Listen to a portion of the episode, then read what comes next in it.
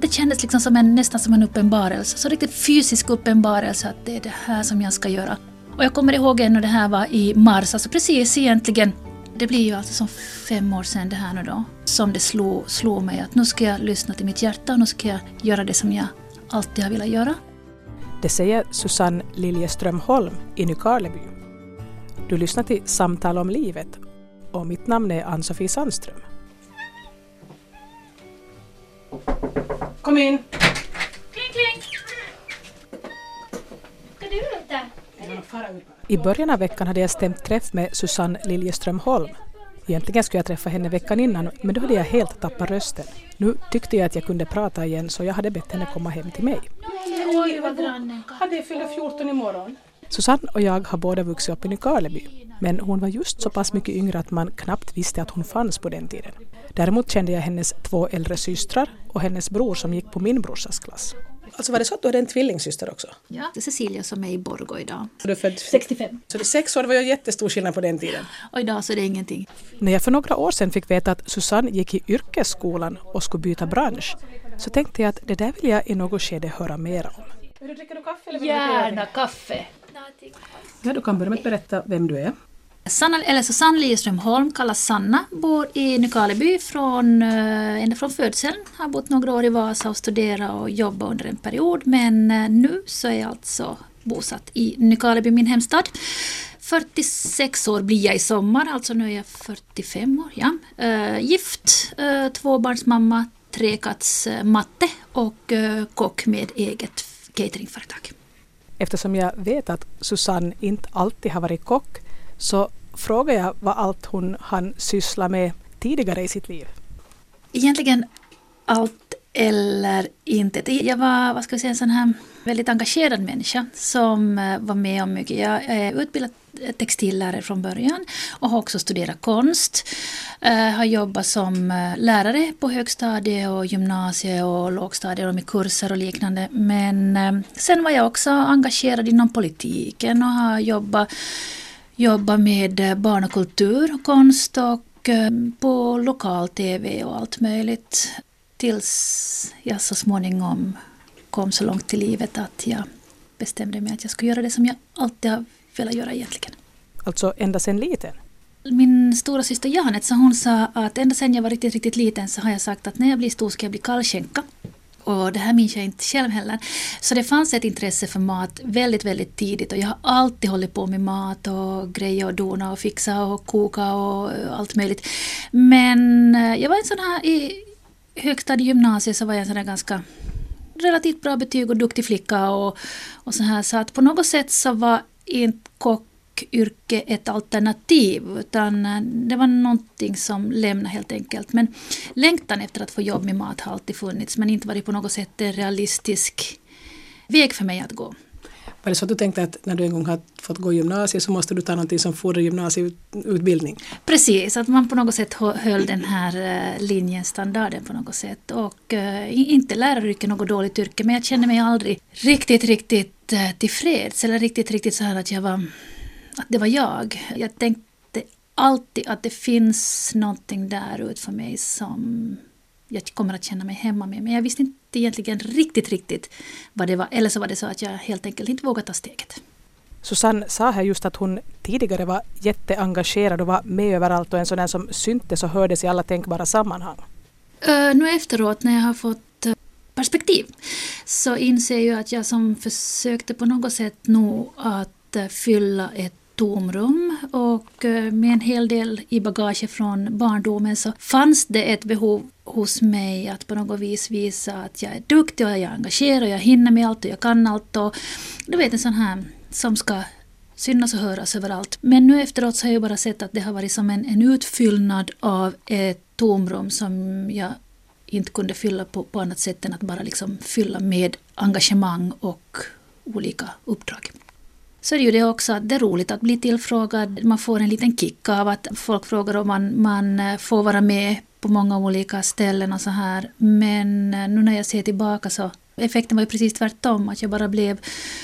Det bara sög musten ur mig på något sätt. Men jag märkte ju inte för jag var så upp i allt och tyckte allting var så intressant och roligt. men att, att eh, det kom ju till en punkt sen när det inte går mera, när, när inte orken räcker till.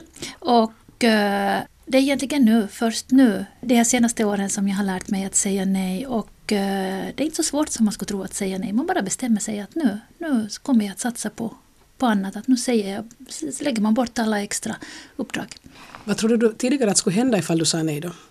På något sätt att jag skulle förlora min plats i samhället på något sätt. Att jag skulle inte vara värd någonting, att ingen ser mig, ingen hör mig. Att jag blir bortglömd på något sätt. Och nu har det ju visat sig med facit på hand att det är precis tvärtom. Att det är på något sätt nu när jag har riktigt blommat ut och när jag får göra det som, som jag vill och som jag verkligen älskar och som jag verkligen vill satsa på. Så det är nu som jag har hittat min plats i samhället på något sätt. Du sa att du, visst, du gick och pratade om att bli kallskänkare när du var liten. Mm. Hur var du annars när du var liten då? Hur sorts flicka var du? Jag satt inne när alla andra var ute och rasade så satt jag inne och uh, sydde dockkläder och jag var ganska lugn och allvarlig. Hade mycket kompisar, umgicks mycket nog med kompisar och så men jag var nog en ganska allvarlig flicka. Utåtriktad och social, ja men uh, jag var nog en ganska allvarlig, lite så här Fortfarande, fast jag är eh, fortfarande väldigt, väldigt social och utåtriktad så har jag nog en väldigt, väldigt stark ådra som en ensamvarg. Och uh, trivs, eller jag måste ha egen tid också. Att jag, det behövs inte vara något, något mycket men, men jag behöver också egen tid. Jag är nog en sån här, har nog en sån här ensamvarg själ inom mig och det här kan bli lite problematiskt ibland nog men att försöka få ihop. Du nämnde här i något skede att det där att ditt eh, aktiva engagemang i allt möjligt och på det tiden att det skulle ha att göra med något bagage från tidigare. Mm. Är det något speciellt du tänker på? Ja, alltså vi, eh, när jag tror jag var tre år så råkade min pappa ut för en olycka och eh, han lämnade, lämnade helt enkelt som en man i sina bästa år arbetsoförmögen. Och han hade mycket verk vilket bidrog till mycket mediciner och alkohol och, och, liknande i familjen så, så det är det som har funnits som, som bagage. Men idag så har jag, jag jobbat väldigt mycket med att utveckla min personlighet och mig själv och hitta mig själv under många år. Och idag så ser jag det här eh, jag är inte överhuvudtaget bitter över, över den här barndomen som förstås eh, präglades av det här. Men eh, tvärtom så har jag försökt ta avstamp, liksom att det här är en drivkraft att, att hitta mm, mig själv och hitta balansen på annat sätt istället. Att, att jag inte överhuvudtaget är bitter, utan tvärtom så har jag försökt vända det här till, till att se allt bra som jag har idag. När du säger att du har arbetat mycket med din egen utveckling, vad har du gjort? Det är nog att, att det till saken hör också att jag Eh, jag har, ibland så har jag problem med, inte ätstörningar, men jag straffar mig själv när jag misslyckas med att inte, att inte äta. Alltså du straffar dig själv när du... Nej, om jag misslyckas med Nej, någonting, ja, som vad som helst, okay, så, så uh, straffar jag mig själv med att inte äta det. Och så för, några, för ett par, två och ett halvt år sedan så fick jag ett riktigt ordentligt skov. Och gick jättemycket ner i vikt. Och, och, alltså jag har haft skov under uh, många år då och då. Uh, och Eh, Eh, de som, vet, som har varit inne i den här ruljansen med att, att inte äta så vet ju att det är jätteångestfyllt eh, men att man är ju på något sätt har kontroll när man inte äter. Och fast jag är vuxen och anser mig vara en, en relativt klok kvinna i alla fall så går det perioder, veckotal, veckotal, veckotal när jag inte äter. Och jag känner att jag är liksom på, på topp och så här. Men att det, och varje, det går inte som en timme i mitt liv att jag inte tänker på min vikt till exempel. Så när jag vaknar på morgonen, det första som jag tänker på så är att är min vikt och eh, varje timme i mitt liv så tänker jag på min vikt. Jag frågar Susanne när och hur det här började. Som 13-åring när, när skolans sjuksköterska sa åt mig att jag måste börja akta mig att jag håller på att bli fet. Och då var jag 13 år och 168 lång och vägde 58 59 kilo. Och sen dess har det varit med. Och inte, inte, inte idag liksom överviktig, men, men det liksom lever som med. Ibland går det bättre, ibland går det sämre. Men, men, och det här är ju lite signifikant då att jag jobbar med mat. Det är ju lite, lite så här, men att, att eh, på något sätt så... Och jag tror att det är väldigt mycket kvinnor idag som, som lider i det tysta av just, vad ska vi säga, små ätstörningar. Att, att eh, dagens sätt att se på kvinnan och på kvinnokroppen så är ju snedvriden. Och då, jag tror att det är ett jättevanligt problem det här att man, man eh, antingen så straffar man sig genom att äta eller att inte äta och, och ångest hela tiden ska man ha med, med, med hur man ser ut och sin, sin kropp. Och det är en jättehård värld vi lever i, dagens medelålders kvinnor. Man hittar sitt sätt att hantera kriser, man hittar sitt sätt att hantera ångest, att man hittar sitt sätt att, att hantera vissa, vissa spelare, vissa springer och vissa röker och vissa dricker och vissa använder mediciner och vissa tränar, redan och, och så vidare. Och mitt, mitt sätt var då att, att inte äta. Men hur kommer du ur ett sådant här skov då när du någon gång har hamnat i det? Du sa att du har hamnat i det för några år sedan senast. Hur gör du för att komma ur det? Då, då fick jag nog hjälp. Eller jag tog hjälp ganska tidigt för jag insåg att det här går inte att jobba fullt ut och, och inte äta. Eh, jag gick väl ner 8-9 kilo på en månad, två, mån två månader tror jag. Men jag fick nog hjälp eh, från HVC. Att jag tog helt enkelt själv eh, tog kontakt och sa att, att nu måste jag få hjälp, att jag, jag klarar inte. För att om jag skulle släppa det, de gångerna jag får de här skoven så vet jag inte, om jag släpper det så vet jag inte hur långt det går. Tyvärr. Det är en sån här kick, att vara oäten så är nog en sån kick och det är hemskt. Alltså att, att jag sitter här och hör på det här så är ju, är ju alldeles galet för jag hör ju också hur sjukt det är. Men det är, det är någonting som, man, som inte riktigt funkar. Hur känner man sig då just i det skedet när man inte tillåter sig den här maten? Mm. Vad är det som gör att man ändå fortsätter? Det måste ju vara, jag tycker det är hemskt att vara hungrig. Man är inte hungrig. Det är kontroll. Om du kan kontrollera det som är egentligen det mest viktiga i livet, att du äter. Om du kan kontrollera det, att du inte äter, så kan du kontrollera allt. Och det är ju, som, det är en sån sjuk tanke. Men just när man är inne i det här, så man känner sig så klar och uh, smart på något sätt. Att ha sig liksom att, att uh, klarar jag att kontrollera mitt, mitt matintag så klarar jag allt. Och eh, så blir det också just den här bestraffningen på något sätt. Att, att, eh, och inte hade jag någonting egentligen att straffa mig för men det blir liksom en sån här att ja, på något sätt att, att eh, bestraffa och att ha kontroll. Det är ett kontrollbehov helt enkelt. Det här är ju det här är ett mycket större problem, tror jag, eller mycket större utbrett än vad man vågar prata om. För att visst är det skamligt, visst är det. Jag dolde, dolde det här i alla år. Jag har aldrig haft liksom så att jag har spytt upp på det sättet men, men jag ändå dolde försökte dölja och och dolde det här. Men märkte inte familjen att du inte åt? Man blir så himla bra på att... att, eh, på att eh, Smutsa tallriken lite? Ja, så. lite så här. Eller jag åt där och jag åt där. Och, och så här, så att, att, eh, och idag så ligger jag på jag väl 60, mellan 66 och 67 kilo och ändå så vaknar jag varje morgon just med den här ångesten att jag är alldeles, alldeles, alldeles för fet. Och så är det ju så korkat. Jag menar som inte jag skulle ha något att tänka på är min vikt dygnet runt. Ibland så blir jag så arg på mig själv att jag går och tänker på det här och sätter energi på det här istället för att kunna liksom acceptera och njuta av att, att jag ser ut så här och så går jag och sätter energi på att, att tänka på det här varje vaken timme. Men eh, man tänker ju massa saker varje timme så har du kunnat sluta piska dig själv för att du tänker det här, du tänker det här och så... Mm, på något sätt så har jag nog också lärt mig att leva med det. Att okej, okay, då tänker jag en, en sekund och så, så... Likadant som jag har lärt mig att leva med det här också, att jag är en sån kvinna som måste ha lite stress. Alltså, det har ju varit väldigt mycket diskussion runt stress. Ofta i negativ bemärkelse. Men nu har jag accepterat, eh, och jag vet inte hur det kom heller, att, att, att jag började acceptera det här att jag är en sån kvinna som behöver triggas av lite stress och då mår jag absolut bäst när jag har, när jag har mycket att göra, mycket på gång och då jobbar jag också bäst. Och det här har jag lärt mig att acceptera och också se som en eh, positiv drivkraft. Så idag så tillåter jag mig faktiskt att känna stress men att jag också har lärt mig att när jag är ledig så kan jag vara ledig och då kan jag njuta, då kan jag bara sitta och, och göra saker, läsa eller eh, titta på TV eller göra precis vad som helst utan att ha dåligt samvete. Och det här, är, det här är nog någonting nytt också som jag har lärt mig att leva med. Att man får vara stressad, man kan ha positiv stress och det är inte något fult det heller.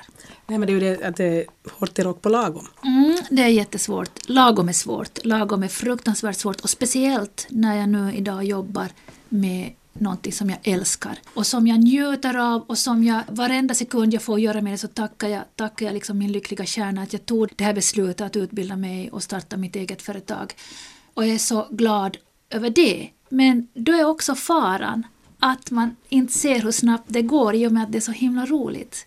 Så där är det en fara att ha för roligt i sitt jobb är inte heller bra för att det finns ingenting som tar tillbaka. Sen så har jag märkt att, att eh, jag har ju då, i och med att jag hade ett magsår för ett antal år sedan, så märker jag att Fast det här magsåret är lekt för åratal sedan så, så fort det börjar verka upp i magen så vet jag okej, okay, att nu, nu måste jag som andas, så måste jag som fundera att, att um, Finns det något sätt som jag kan ta lite time-out någon timme eller eh, någon dag så att jag faktiskt får andas och, och lite liksom tänka på annat och så här. Ett gammalt magsår är en bra indikator på hur, att, att nu kanske det är dags att, att sakta ner. Och så har jag blivit jätte, jättebra på att säga nej till allt som inte har med mitt företag att, att göra. Det gör också att den här pressen minskar ju också, alltså den här yttre pressen minskar ju också när jag får göra det som jag ska göra egentligen och som jag är avsedd att göra. Jag ber Susanne Liljeström Holm i Nykarleby berätta hur det gick till när hon bestämde sig för att hon skulle skaffa sig ett nytt yrke. Det är ju en lång process förstås. Eh, jag har ju haft, som jag sa, så har jag drömt om det här länge men inte kunnat som formulera riktigt det här vad det handlar om egentligen. Men jag har haft en sån här längtan att få göra någonting annat. Och så var det en lunch. Så var det meningen att min man tillsammans med någon affärsbekant skulle gå ut och äta här i stan. Och så ringde han bara någon minut före lunchen och sa att han kom inte den här affärsbekanta att kan du fixa någon lunch åt mig? Och på fem röda sekunder så hade jag ordnat en, av sådana gamla rester i, i kylskåpet, så hade jag fixat en jätte, jättegod lunch. Och mitt i allt eh, sen då när han hade varit hemma och åkte vidare till jobbet så fick jag som en blixt rakt igenom kroppen. Alltså, det kändes liksom som en, nästan som en uppenbarelse, så riktigt fysisk uppenbarelse att det är det här som jag ska göra. Och jag kommer ihåg ännu det här var i mars, alltså precis egentligen det blir ju alltså som fem år sedan det här nu då, som det slog, slog mig att nu ska jag lyssna till mitt hjärta och nu ska jag göra det som jag alltid har velat göra. Och jag ringde samma eftermiddag så ringde jag till Optima i Jakobstad och hörde mig för hur det är att uh, möjligheter att få studera till KK. För jag visste det att om jag börjar med någonting så vill jag göra det från grunden och göra det bra. Och då visste jag också att mina kunskaper inom matlagning inte räckte till så som det var då.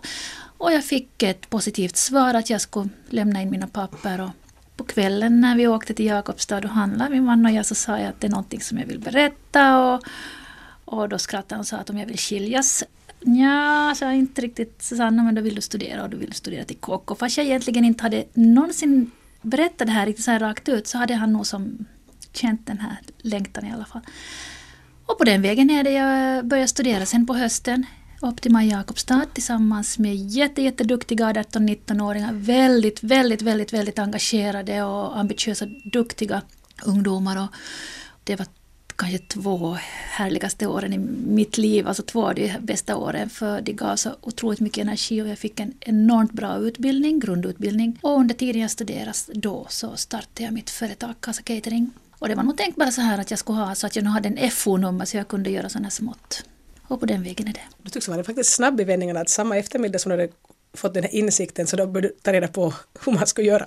Ja, nu när jag berättar det så låter det ju inte klokt egentligen men på något sätt så jag hade ju tänkt på det här så länge egentligen och jag kommer ihåg att, att jag många gånger sa till min man att det är nog en jag är nog en, en egenföretagare. Jag känner i själ och hjärta att jag är egenföretagare och skulle gärna jobba som egenföretagare. Men, men jag hade inte de här eh, vad ska jag säga, ramarna. Och jag trodde att jag skulle måste ha alla ramar klara. Men eh, de ramarna så blev också lite tydligare i och med att jag gick eh, Concordias, den här utbildningen för, för nyföretagare eller sådana som tänker sig att skaffa eller starta ett eget företag. Där man diskuterar med andra i samma situation och affärsidéer och lite ekonomi och sånt. Att det var jättenyttigt. Och under den här tiden så utkristalliserar sig nog till en del den här affärsidén. Idag så har jag ju ett etablerat, etablerat prostkök och en, en jättebra firmabil som motsvarar precis det behov jag har.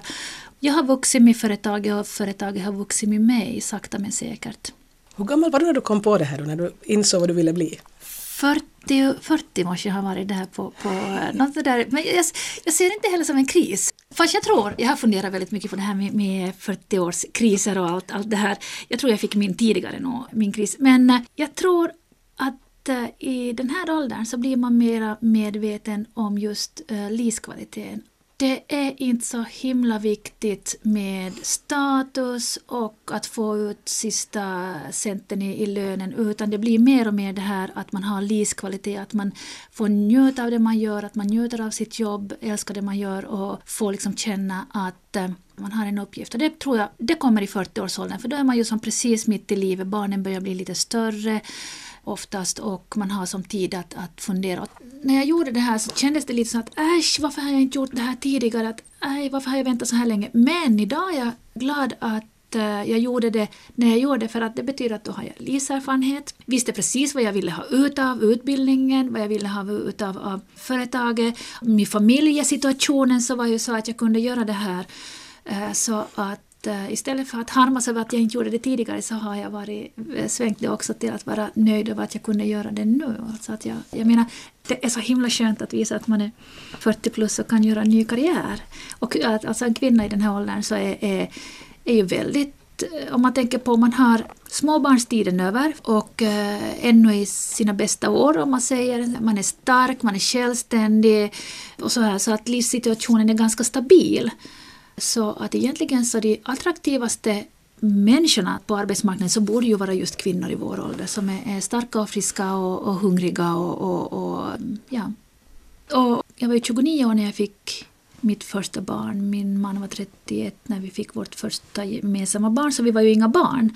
Utan vi var mogna människor och eh, jag är jätte, jätteglad att jag tog tillvara så pass mycket tid eh, när de var små. Jag var hemma två och ett halvt år, vi båda två tror jag. Och det är jag jätteglad över, för på något sätt så känns det också att jag inte har givit bort den här småbarnstiden utan faktiskt njutit av, och jag har verkligen njutit av att vara mamma på alla sätt och vis. Aldrig känt mig instängd eller så här att, att, att jag har njutit av alla de här stegen att vara mamma. Så därför så känner jag mig inte ens egoistisk idag när jag satsar på mig själv och mitt företag. Och det har varit lite skönt att visa att man kan byta karriär när man är 40-plussare och kvinna. Jag tänkte på det här med, med jag tror att kanske när man är kring 40 så börjar man veta bättre vad man vill och speciellt vad man inte vill göra. Så att man kan börja faktiskt aktivt välja. Precis, det här känner jag jätte, jättebra igen och egentligen är det jätteskönt att bli 40-45 för på något sätt så då är det tillåtet att vara lite egoistisk och säga nej och, och just det här att kunna se, ge det här mig någonting eller ge det mig eh, ingenting. Ta det bara energi eller ge det energi. Och man vågar stå för det på något sätt också. att, att eh, och där, jag kom, återkommer igen till livskvaliteten. Att det är en livskvalitet att hitta liksom den här kärnan. Vad mår man bra av? Vad mår man inte bra? Och våga välja bort det här som man inte mår bra av. Ja, fin pojke. Fin pojke. Några år före jag tog det här beslutet att göra det som jag alltid har velat göra så, så var jag väl nog ganska nära vägg mycken egentligen men det gick liksom på min eh, fysiska hälsa. Att jag fick både magsår och tvar en sommar och den sommaren kommer jag inte överhuvudtaget ihåg för jag bara medicinerade hela sommaren och helt enkelt var slut. Genom att jag som försökte så otroligt vara alla till lags och hinna med allt, göra allt, finnas till hands och glömde mig själv på något sätt. Och tyvärr när jag ser tillbaka så är det ju nog familjen egentligen som har tagit kanske mest den här perioden då när jag var så himla engagerad i allt och kände att jag som hade så mycket krav från alla håll och skulle vara så himla duktig. Och när jag ser tillbaka på den här perioden också så var jag nog en ganska, vad ska jag säga, inte ordreglig, jag nog, nej inte ordreglig, men jag har nog varit en ganska väldigt självupptagen människa, tyvärr, och har gett eh, kanske alldeles för lite utrymme åt, åt andra människor. Medan nu idag när jag eh, det låter kanske som en kliché och, och lite uppstyltat, men när jag hittar hem så är det ju som en helt annan människa jag har att göra med mig själv idag. För att jag tycker så jättemycket mer om den här människan som jag ser i spegeln nu. För nu har jag en sån här inre det här, låter, det här låter nog väldigt klichéartat. Eh, nej, inte en inre frid. Förnöjsamhet. Min fammo Ida, hon har varit död länge, jättelänge, men hon hade ett ord som jag tycker man har glömt bort och det är att vara förnöjd. Och det är nästan ett källsord idag att vara förnöjd. Men det, just det här att, att hitta, att vara nöjd i sitt yrke, vara nöjd med det du gör och kunna vara stolt över det man gör. Som jag är idag. Jag är jättestolt över mitt jobb, att jag har byggt upp ett företag som uh, rullar bra, jag har mycket bokningar och jag trivs. Jag, jag tycker att jag har hittat liksom min eh, nisch. Och det här gör att jag känner mig väldigt förnöjd uh, just nu. Lite så här som man, du vet, knackar lite i, i, i trä. Att får man ha det, får man ha det så här bra egentligen? Att, att, att klart, det är jobbiga dagar, inte allt alla dagar liksom en dans på rosor och det sliter på på många sätt och vis men att, att överlag så tycker jag att jag har hittat hitta, hitta min plats både i livet och i, i samhället på något sätt som, som är väldigt eh, tillfredsställande. Vi fortsätter att prata en stund och kommer än en gång in på det där med självsvält. Alltså det måste vara någonting, i och med att jag tycker själv att jag är en, en tänkande kvinna med mycket idéer och, och har eh, relativt klok kvinna i alla fall, som många kvinnor är. Men det är någonting som går snett. Det är någonting som går jätte, jättesnett när det gäller just den här delen. Och fast kan liksom helt öppet sitta och prata liksom om det här problematiken och jag vet precis att man kan inte vara oäten. Det finns ingen möjlighet att man kan vara oäten i fyra veckor. Det finns som ingen logik överhuvudtaget och att svälta sig så är fullständigt så sjukt, så sjukt och ändå, ändå så finns det en, en, en liten, liten del av mig som njuter av den här att, eh, att, att vara oäten. Och det är den där lilla delen som jag inte hittar. Som säkert, säkert skulle man gå riktigt, riktigt in i det och, och, och så, så skulle man kanske hitta orsaken. Men det bara finns där. Det är säkert någonting som jag får leva hela livet med det här. Och på något sätt så har jag accepterat det också. Att eh, det här är en del av mig och min personlighet. Att jag, jag när jag får det jobbigt och när jag, när jag blir stressad då så hanterar jag det här med mat helt enkelt, att, att inte äta. Och uh, i och med att det, alla dessa år har varit så skamligt för mig så har jag som försökt, som jag sa, dölja. Men idag så, så har det också blivit att jag försöker acceptera och då gör det också att jag kan ta hjälp mycket snabbare när jag märker att, att nu, då kan jag säga åt min man också att hej, att nu tror jag att jag, jag är lite inne i det här samma spåret igen, att jag, jag äter ingenting. Och då håller han koll på mig och, och säger att vad har jag ätit och, och, och så här. Och, och då behöver jag inte heller skämmas. Mm. Mm. Och det som jag tänker nu också så är ju, är ju, det är ju inte bara jag som mår dåligt just äh, de här gångerna när jag, när jag hamnar i den här, utan det är ju hela familjen som mår dåligt. För att de märker ju, de är oroliga förstås, så min mamma är orolig och det påverkar så mycket. Och det är ju jätteledsamt att, att som sagt, äh, nu är det, råkar det vara maten som är för mig, äh, men jag tror att för de flesta så har man en, en vad ska vi säga, en svag punkt som gör att en akilles helt enkelt. Och det här är sånt som faktiskt tar energi och som är svårt att hantera. Och jag tror att allihopa har sin akilleshäl. Men genom att vara öppen också så tror jag att man har lättare att, att se det och acceptera det och, och kunna ta itu med det. Och jag skulle hoppas att vi lever i ett sånt samhälle där man kan berätta om man har problem med, med eh, just med ätstörningar eller med, med alkoholism eller med tabletter eller med spel. Att det skulle liksom bli mindre och mindre tabubelagt för att det är ju en av förutsättningarna att, att människor kommer ur det här. För jag tror att eh, det är många som brottas med olika, vad ska jag säga, nojor och, och jobbiga saker. Mycket, mycket mer än man tror. Ofta är det så här att man tror ju att alla andra är så lyckliga och är så, så hela och perfekta. Men att ofta så finns det ju saker som gör att, att eh, man mår dåligt. Jag säger att jag personligen blir lite misstänksam ifall någon gör allt för stort nummer av hur otroligt bra de mår och hur otroligt lyckliga de är. Att jag får en sån känsla av att hej, att vem försöker du lura egentligen? Dig själv eller mig? Mm, jag känner nog igen mig det här från förr i alla fall. För att på något sätt, som jag sa, att det här tomrummet. Ofta så är det ju ett tomrum man försöker eh, fylla. Och ju större tomrummet, desto mera skramlar det på något sätt. Eh, tomma tunnor skramlar mest brukar man säga. Att man försöker dölja liksom det här tomrummet, den här sorgen och den här känslan av otillräcklighet med att uh, hysteriskt försöka liksom visa hur bra man har det och hur bra man är och så här. Och just det här så är så påtagligt för mig i och med att, att när jag nu ser tillbaka till den här tiden då innan, innan jag som hittade, då, hittade hem så är det så tydligt just den här hur jag mådde då och hur jag mår idag. När jag, idag så har jag som jag har som inget tomrum idag. Och det gör att jag inte har något behov egentligen av att, att synas och höras och finnas med överallt och, och så här. Utan tvärtom så njuter jag väldigt mycket av att dra mig tillbaks och, och få göra det som jag eh, är bra på och som jag njuter av och har inget behov överhuvudtaget att, att eh, göra några stora åthävor. Jag märkte det här också när jag tog kontakt med Sanna och, och frågade om hon ville vara med i det här programmet. Hon var först väldigt tveksam och sa att inte har hon längre något behov av att göra ett nummer av sig själv.